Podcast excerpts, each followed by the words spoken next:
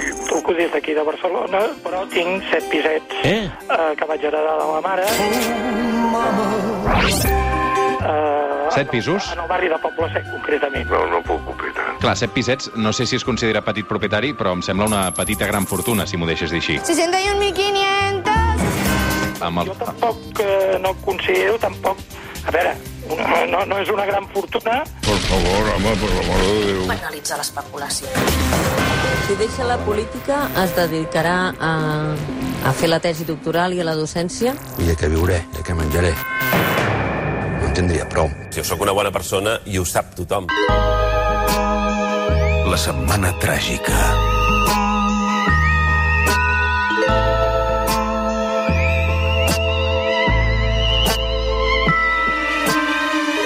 A Londres, Ion Sindreu, periodista, columnista del Wall Street Journal. Bon dia, Ion. Bon dia, com esteu? Bé, i tu? Bé, bé, mira, aquí em fas llevar d'hora, però aguanto com puc. Home, no tant d'hora, eh? Veure, que és una hora, és una hora menys, no, aquí? És una hora menys, és una hora menys, sí. Toni Redon, al País Valencià. Com estàs, Toni? Bon dia, bona hora, què tal? Doctor europeu en Ciències Polítiques, investigador a la London School of Economics, professor de la UPF. Continues fent teletreball, eh, tu? Sí, jo continuo uh, fent treball. Sí, escolta, Escapa, puc fer una pregunta, Jon Sindreu? Endavant. Sí, és que uh, aquesta setmana els nostres oients ja hauran vist que Sí. uh, s'ha estrenat a Twitter aquesta opció que es diu Fleet, que és una mena Ah, de d'imatges d'story que duren 24 hores i desapareixen, no? I porto tota la setmana esperant, Jon, que em facis un, i de moment no, eh? No, no, jo, però jo, jo sóc molt selectiu. Per exemple, eh, els típics memes de Twitter, eh, doncs en faig un per any. Llavors aquí també suposo que, que en el cert moment de, del, dels propers 12 mesos decidiré en fer-ne algun. Però hi estàs a favor o hi estàs en contra? Uh, ni a favor ni en contra, diguem-ne, no? Uh, és a dir, uh, això, en, en aquest món uh, menyspreable que són les xarxes socials sempre cal trobar norm, noves maneres d'expressió, uh, diguem, uh, no? que facin que la resta del món t'ho digui més. Perquè aquí, aquí hi, ha un, hi ha un tema, que és que jo he observat uh, que hi ha gent a les xarxes socials que no suporto, um, que després en, en persona són, són força decents. Llavors jo em trobo en aquesta situació de que la, odio molt més la personalitat de la gent online que no en persona. El mateix deuen pensar de tu, Ion. No, no, jo sóc molt pitjor en persona. Ah. Jo sempre he dit que, que amb la distància guanyo. Que cap al Twitter molt bé, però que després no. Sí, sí, o, o, o, quan sóc absent, per exemple, eh, molt millor que quan sóc present. Va, avui ho ambientarem d'aquesta manera, això.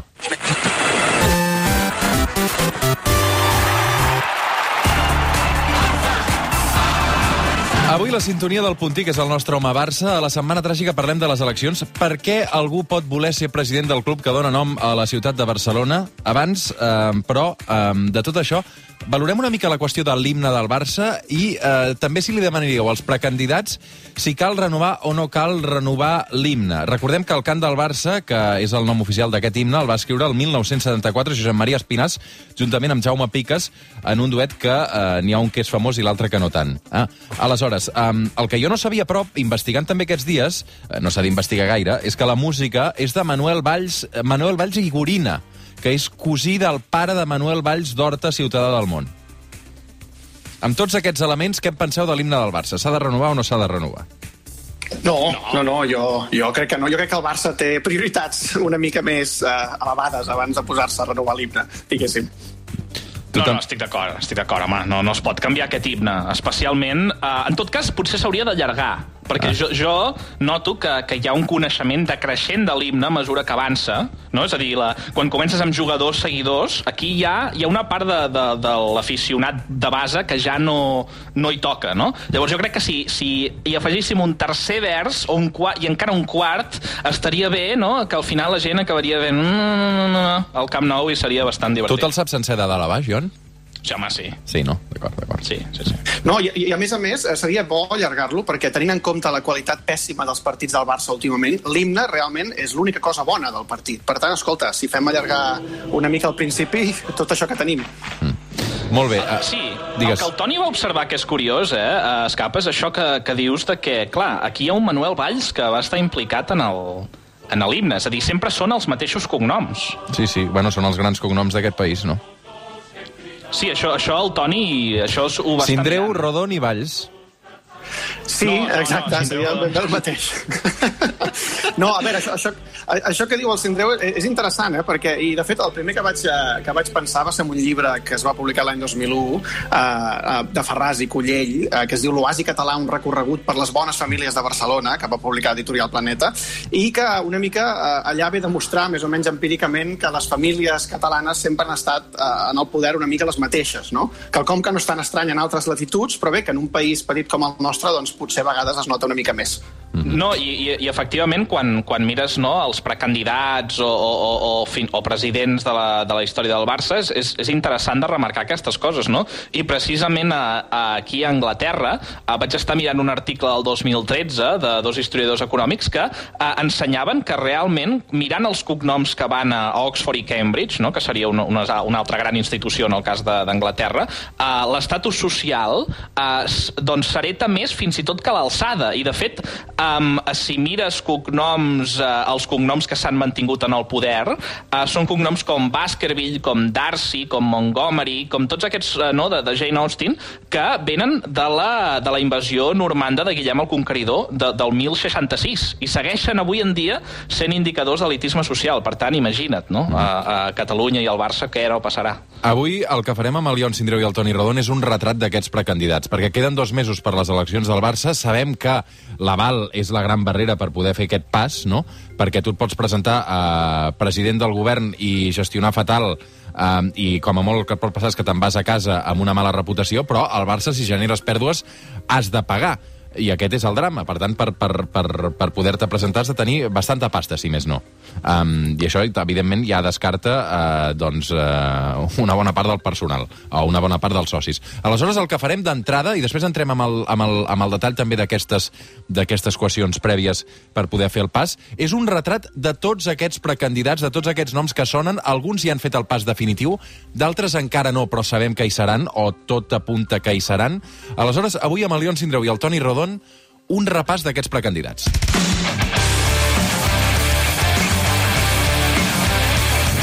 A veure, això és... Uh, us he ambientat això com si fos un programa esportiu. Això no és, no és el tot costa encara, eh? Però, però a veure, tot arribarà. Uh, a veure, Víctor Font. Qui comença? Ion i... Però què, què hem de fer? Donem un adjectiu, no? O un 1 per 1? Un, u per- fem un 1 per 1. Uh, tots dos fem un 1 per 1 o, o tu... Sí, sí, sí, sí. Sí? No, no, fem primer el Toni i després jo, va. Molt bé. Víctor Font. Vinga. A veure, jo a Víctor Font li he posat de moment l'escapat, perquè tot sembla indicar que té una molt bones opcions per obtenir la presidència. És nascut a Granollers, és fundador i el CEO d'un grup que es diu Delta Partners Group, que és una consultora dedicada en el sector de les telecomunicacions, un dels fundadors del diari Ara, i a més a més té un periodista conegut com és Antoni Bassas, com a número 2. Té una plataforma que es diu Sí al futur, que es va presentar el 2018 i que a més a més té l'aval de Xavi Hernández. Ion. Jo he posat PricewaterhouseCoopers, uh, perquè el seu ascens a la presidència del Barça seria la confirmació uh, que ben aviat uh, doncs, el 99% de l'economia estarà formada per consultors i no quedarà ningú que treballi de debò. Per tant, serà el, el triomf del management. Molt bé. Va, Joan Laporta. Bé, Joan Laporta és difícil de definir perquè em, podrien, em podríem dir moltes coses. Jo eh, he optat per eh, l'adjectiu eh, que ara mateix, des de fa uns quants anys, està no tritranquil. Recordeu que tritranquil era un objectiu que utilitzava per una mica fardada que el Barça guanyava molts títols, doncs aquest fa anys que, que no ho està de tranquil. I de totes les fases que he dit, eh, se'n poden agafar moltes eh, eh, de poc serioses, però a mi n'hi ha una que m'agrada molt, que a vegades dic, que és una frase que va pronunciar al final de la seva legislatura, que deia Volem ser els millors, no els primers. Carai. Ion. Uh, sí, la porta, doncs, també de Barcelona, no? polític i advocat. Jo l'he posat, crec que l'únic adjectiu que se li pot uh, atribuir, que és cigalero. Eh? Segurament l'única persona feliç que queda a la Catalunya del 2020, a part de Gaspar Hernández. Uh, tot i que cal dir que cal viure aïllat de la realitat per ser feliç, eh? a la Catalunya del 2020. Va, Joan Rossell. Joan Rossell és de Barcelona, és empresari i president de la Confederació Espanyola d'Organitzacions Empresarials, del COE, uh, i l'adjectiu que li he posat, una mica uh, escombrant cap a casa, és mig politòleg, perquè es veu que va començar els estudis de Ciències Polítiques a la Complutense de Madrid i per algun motiu estrany doncs, no els va acabar. Jo l'he posat Aliança Popular, eh? perquè eh, pel partit, que no sé si molta gent sap, però ell va fundar el 1980 Solidaritat Catalana, que no és la, la Solidaritat Catalana original, sinó que és un partit que es va acabar integrant Aliança Popular, avui en dia el Partit Popular. O sigui, no és la solidaritat catalana de la porta. Eh? Ni la de la Porta ni la l'anterior sí. de la Mancomunitat Catalana. Um, I clar, a mi em sembla que Aliança Popular és, un, és una gran definició de Joan Rossell, perquè si hi ha un candidat del poble ras, uh, sens dubte és ell. Agustí Benedito. Agustí Benedito li ha posat eh, si tu hi vas o no hi vas, Benedito segueix allà. És de Barcelona, és antic candidat, empresari, màster en, en finances ESADE, i la seva frase que he destacat és que la de Bartomeu és la pitjor presidència dels 120 anys d'història del club. És més, diria que els 10 anys, inc eh, incloent fins i tot la presidència de Rosell. La pitjor en tots els nivells. Jon? Testimoni de Jehovà. Li diuen mil vegades que no, però ell segueix trucant al timbre. Toni Freixa? El continuista de Schrödinger, perquè diu que no és continuista, però això sí, no vol criticar la Junta anterior per, diu, no crear divisions. És de Barcelona, advocat i empresari, va estudiar dret a la UB i té un bufet d'advocats. Enginyeria de materials, uh, perquè cal una ciència molt avançada per dissenyar el tipus de material compost del qual ha d'estar fet la seva cara per tenir-la tan dura. de fet, A veure, ja aquí t'estàs agradaria- desfogant, aquí t'estàs desfogant ja, eh? No, no, no, no, a veure, ja li agradaria a General Electric tenir el secret d'això per poder dissenyar nous turboventiladors, eh? perquè, déu nhi El, el Jordi Ferrer, que és aquest candidat, eh, que, precandidat, que va promocionar la, la moció de censura, no? Efectivament, i és de l'Hospitalet de, de Llobregat, i és, uh, és enginyer, i té una candidatura que es diu Som gent normal. Uh, jo simplement li he posat l'optimista, que en general l'optimisme és una qualitat que no m'agrada no m'agrada gaire. El, el lema d'ara és Nou impuls Barça. Jo li he posat Hindenburg, perquè es parlava molt de que Jordi Ferrer eh, era un submarí, no? I al final no és un submarí, però crec que sí que té pinta que serà un Zeppelin. Emili Rousseau, eh, que és el, el senyor de Factor Energia, no? Sí, Home. Evidentment, clar, aquí, aquí era fàcil, factor energia, clar, clar. Ho veieu? Uh, clar, ho veieu. Sí, sí, sí, sí ho veieu, ho veieu. Aquest anunci eh, em feia posar els pèls de punta. Uh, Emili Rousseau, que, que va marxar una mica abans no? amb, amb, amb Bartomeu, eh, que van acabar discutint-se, i, i veurem què és el que acaba passant. Uh, un altre nom propi que està sonant molt aquests dies també a les ràdios, eh, perquè també es promociona a través de- d'aquesta ràdio, per exemple, eh, i ràdios de, de la competència, perquè hi ha anuncis seus precisament eh, doncs explicant eh, que vol fer el pas. Xavier Vilajoana. Sí, Xavier Vilajoana, Vilajoana de fet, és, és enginyer i està format a la Masia i és eh, CEO d'un grup que es diu Euroconstruct, que és una companyia constructora amb, amb seu a Barcelona i amb filials al Brasil, Argèlia i al, al Marroc. Una de les frases que ha destacat és, un dia va dir, en el Barça és impossible pensar més enllà dels cinc dies. Sí, a mi m'encanta aquesta frase, eh, Toni? Uh, de la, és impossible pensar més enllà de 5 dies. Sobretot recordem que, que Xavi Vilajoana doncs, era membre d'aquesta junta directiva i ajuntant aquestes dues coses, l- l'adjectiu que jo eh, li he posat és memento. És en honor a aquella pel·lícula, no sé si l'heu vist, de Christopher Nolan, um, que va d'un home amb un trauma cerebral que, és incre... és, que no pot retenir memòries a llarg termini, no? Llavors ell es dedica a investigar a qui va matar la seva dona i al final una mica igual que Vilajoana amb el Barça, sent directiu aquests 10 anys però no recordant més enllà de 5 dies, eh, resulta que qui la va matar va ser ell mateix. I crec que encara hi ha dos noms més, que són Lluís Fernández Alà i Pere Riera, oi? Sí, uh, aquí ja és tan, difícil posar-los posar un adjectiu. Alà és de, és de Barcelona, és empresari, i de fet va ser candidat a, l'alcaldia de Sant Cugat del Vallès per, per demòcrates de, de Catalunya. Uh, de les dues coses que es poden destacar, uh, al meu entendre, és que està a favor de parar l'espai Barça i, a més, uh, insisteix en aquesta idea de que no té ningú partit polític ni cap grup mediàtic enrere, la qual cosa és graciós perquè és una persona que, com deia, ve d'un partit polític, en certa manera. Sí, uh, ostres, és difícil, eh? perquè aquí ja, ja, ja estem rascant. Uh, a mi de Lluís Fernández Talà m'ha cridat l'atenció que diu que la seva prioritat és acabar amb els ismes, no? Diu que, que aconseguir la unitat del barcelonisme doncs, és, és el que a ell li importa més, i considerant que sembla que l'única manera de fer això és que t'ho diguin de tots els bàndols, uh, li he posat uh, Ramon Cin. Molt bé. I, i el Pere Riera no comentem. Bé, jo li he posat no, testimonial. Testimonial, d'acord. Testimonial, que és un clàssic, uh, jo l'he posat al meu veí de sota, perquè I- tampoc no tinc ni idea de qui és. Hi ha un comú denominador de tot plegat, eh, i és que, clar, eh, no m'heu explicat que calia ser home eh, i que calia ser també una mica maduret, eh, que és una de les condicions que sembla que també per ser precandidat del Barça eh, hi ha, no? Sí, home, home no, de mitjana edat, eh, blanc seria una mica no? el, el, el perfil de, del Barça. Sembla que aquí no hi ha, encara no han arribat no? la, la nova revolució eh, inclusiva. Toni. Sí, um, a veure, hem de pensar que, per desgràcia, en els cercles de poder uh, del nostre país, com, tan, com de tants altres països, el perfil és, és aquest que deia ara mateix en Jon, no? I, de fet, uh, uh, això lliga una mica amb com començàvem el programa. Per presentar-se com a candidat necessites un aval del 15% de, del pressupost del club, que en, en, en diners d'aquest any o de l'any que ve doncs, suposa uns 80 milions d'euros. No cal que el presentis personalment, sinó que pot ser conjuntament i, de fet, pots tenir un, un banc al darrere que, que t'ajudi a, a avalar-lo. Però, clar, és una barrera important per, jo diria, la gran majoria de socis i sòcies de, de l'entitat i que fa que només un selecte grup de persones es vulgui presentar i aquest selecte grup de persones doncs, coincideix amb el fet que són homes blancs i, i madurets, que I, deies. i, i, I, per tant, Toni, eh, tu com a politòleg, eh, també amb aquests condicionants, creus que eh, unes eleccions d'un club com el Barça es poden qualificar de democràtiques o, o hi ha dèficits precisament perquè aquestes condicions són tan grans que ja descarten una part molt important dels socis? Clar, això ens 95% situaria amb, amb un debat mm, elevat, no? que, és que, que és que totes les democràcies en el fons tenen dèficit. De fet, fa poc vam tenir les eleccions als Estats Units i allà parlàvem també que es necessitaven molts diners per presentar-se com a candidat. Per mi, eh, aquesta és una barrera, però probablement la barrera democràtica més important eh, que té el Barça és, és de doble naturalesa. Una primera, que és que el soci en el fons, i la sòcia, no són representatius de tota la massa social. Mm? En general, eh, per això hi ha a vegades molta queixa de quin tipus de presidents s'escullen a les urnes, perquè aquells que voten, aquelles persones que paguen la quota i voten, són diferents de tots els, soci, de, de tots els aficionats que no paguen la quota, això el primer.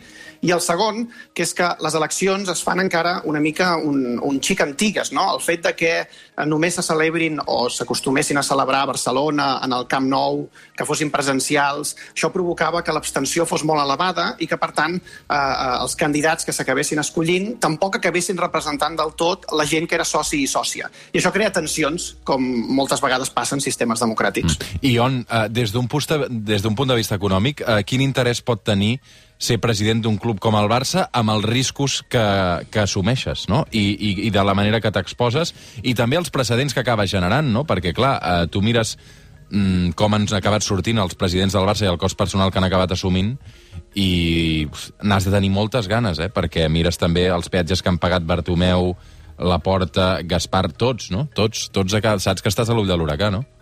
Bé, uh, sí, tot i que a, a nivell no, d'interessos econòmics suposo que els que més amenaçats van estar, uh, irònicament, no, va ser la, la Junta de la Porta amb l'acció de responsabilitat, um, però sí, clar, és veritat que, que ara doncs, les condicions, com, com explicàvem, s'han endurit, tu has de, no, si, si generes pèrdues, doncs has de pagar, um, per tant, uh, com dèiem, el 95% dels socis queden exclosos eh, de, de ser presidents del Barça.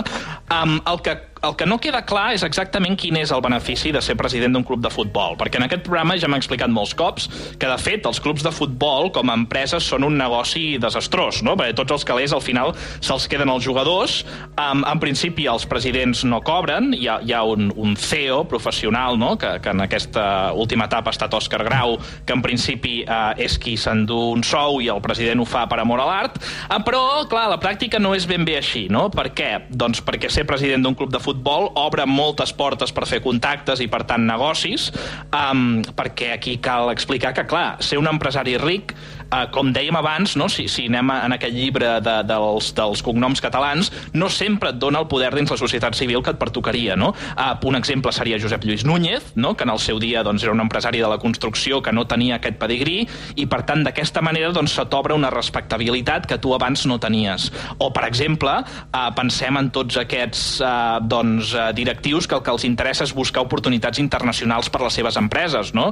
Uh, si pensem en països com Qatar o Brasil, on tu tens opcions doncs, de fer nous contactes, o si mireu, uh, això va al revés també, si mireu els múltiples exemples d'oligarques que compren clubs de futbol, uh, recordareu, per exemple, el, el catarí Abdullah bin Nasser Al Thani, uh, que va comprar el 2010 al Màlaga per uns 30 milions i uh, doncs, que doncs, ha tingut diversos problemes amb la justícia i va acabar de deixar invertint en el, en el club la temporada 2012-2013. Uh, però, clar, per què el, el senyor Altani va comprar el Màlaga? Doncs eh, sembla que és perquè tenia projectes projectes immobiliaris a, a la costa malaguenya i com tu pots entrar en aquest mercat que no coneixes, on no tens prestigi, doncs la millor manera és, és doncs, de, amb el prestigi no? de, de tenir un, un, un club local exitós, que més el, el poses a la, a la Champions, i doncs, a la llotja de l'estadi tens moltes opcions de que se t'obrin aquestes portes, i, i tenim molts altres exemples. Uh, per exemple, el Roman Abramovich, el patromilionari propietari del Chelsea, Sí. uh, que doncs, quan el va comprar ell va dir que no li agradava el futbol, i de fet es diu que des de fa un parell d'anys doncs, no se l'ha vist tampoc per la llotja. No? Um, clar, tot això es fa pel prestigi internacional i, uh, doncs, com dic, en, en, en segona instància perquè aquest prestigi doncs, potser uh, doncs, et t'obre certes portes que tenies tancades pel teu origen. No? Um, I no sé si és el cas dels nous uh, candidats, però en tot cas uh, tampoc es pot dir que no et generi cap benefici personal. 5 minuts per arribar a tres quarts d'onze del matí, ho hem de deixar aquí, eh, però abans va, us demanareu un últim exercici. Un top 3, només els noms, eh? Top 3 dels millors presidents del Barça i dels pitjors. No cal que us justifiqueu. Uh, Toni, comences. A veure, jo els millors he posat Camper mm, per fundar el club, eh, Sunyol, que és la, la president afusellat durant la, la Guerra Civil i sobretot doncs, perquè va mantenir el club en moments difícils i després la porta. Això els millors. Molt bé, I els, com millors, els millors, Ions, el- els millors teus. Jo he posat uh, primer la porta, uh, sens dubte, després Gamper i després he posat Montal. Molt bé. I, tu, i els pitjors? Sí, jo he posat uh, Rossell, uh, Bartomeu, i després el tercer, com a pitjor, uh, potser no és el pitjor, però és un que em fa molta gràcia, uh, com a patètic, que és Enric Reina, uh, i el moment aquell de, dels sobres, que va dir que no es vendria patrimoni, i dintre els sobres, la, una de les propostes era vendre's patrimoni. Això em va encantar. Enric Reina és un clàssic, sí, sí. M'ha costat, eh? M'ha costat no, no posar-lo en el podi. Uh, o sigui, ja està, ho deixem amb aquest, eh? No, Ion? no, no, els, ah. els meus pitjors són uh, Rossell, uh, Bartomeu i en tercer lloc he posat Santinolla. Uh, 5 minuts per arribar a tres quarts d'onze del matí. Ho hem de deixar aquí, companys, cuideu-vos molt. Uh, esteu en fase de desescalada a Londres també, o jo o no? Uh, no, no, encara no. De fet, aquí encara estem amb el dubte de si el confinament s'allargarà més enllà de la, de la data original de desembre, que sembla que, que té certs números, però ja ho veurem, ja ho veurem. Estem, crec, en una fase pitjor que vosaltres pel que fa a l'evolució. Uh, Cuideu-vos molt. Uh, una abraçada ben forta. B per cert, uh, vau veure Toy Story vosaltres quan es va estrenar o no? Ho recordeu? Sí, Sí? sí, sí, tant. Devíeu tenir també al voltant de 7 anys, no? Més o menys, si fa o no fa. Sí, sí, sí. no recordo, però, però, però recordo que la vaig gaudir molt i que demanava tot, uh, totes les joguines. No, no, gran pel·lícula. Doncs ara farem una petita pausa i rememorem els 25 anys de l'estrena d'aquesta pel·lícula, de Toy Story. Ara en parlem. Fins ara. Fantàstic. El suplement, amb Roger Escapa.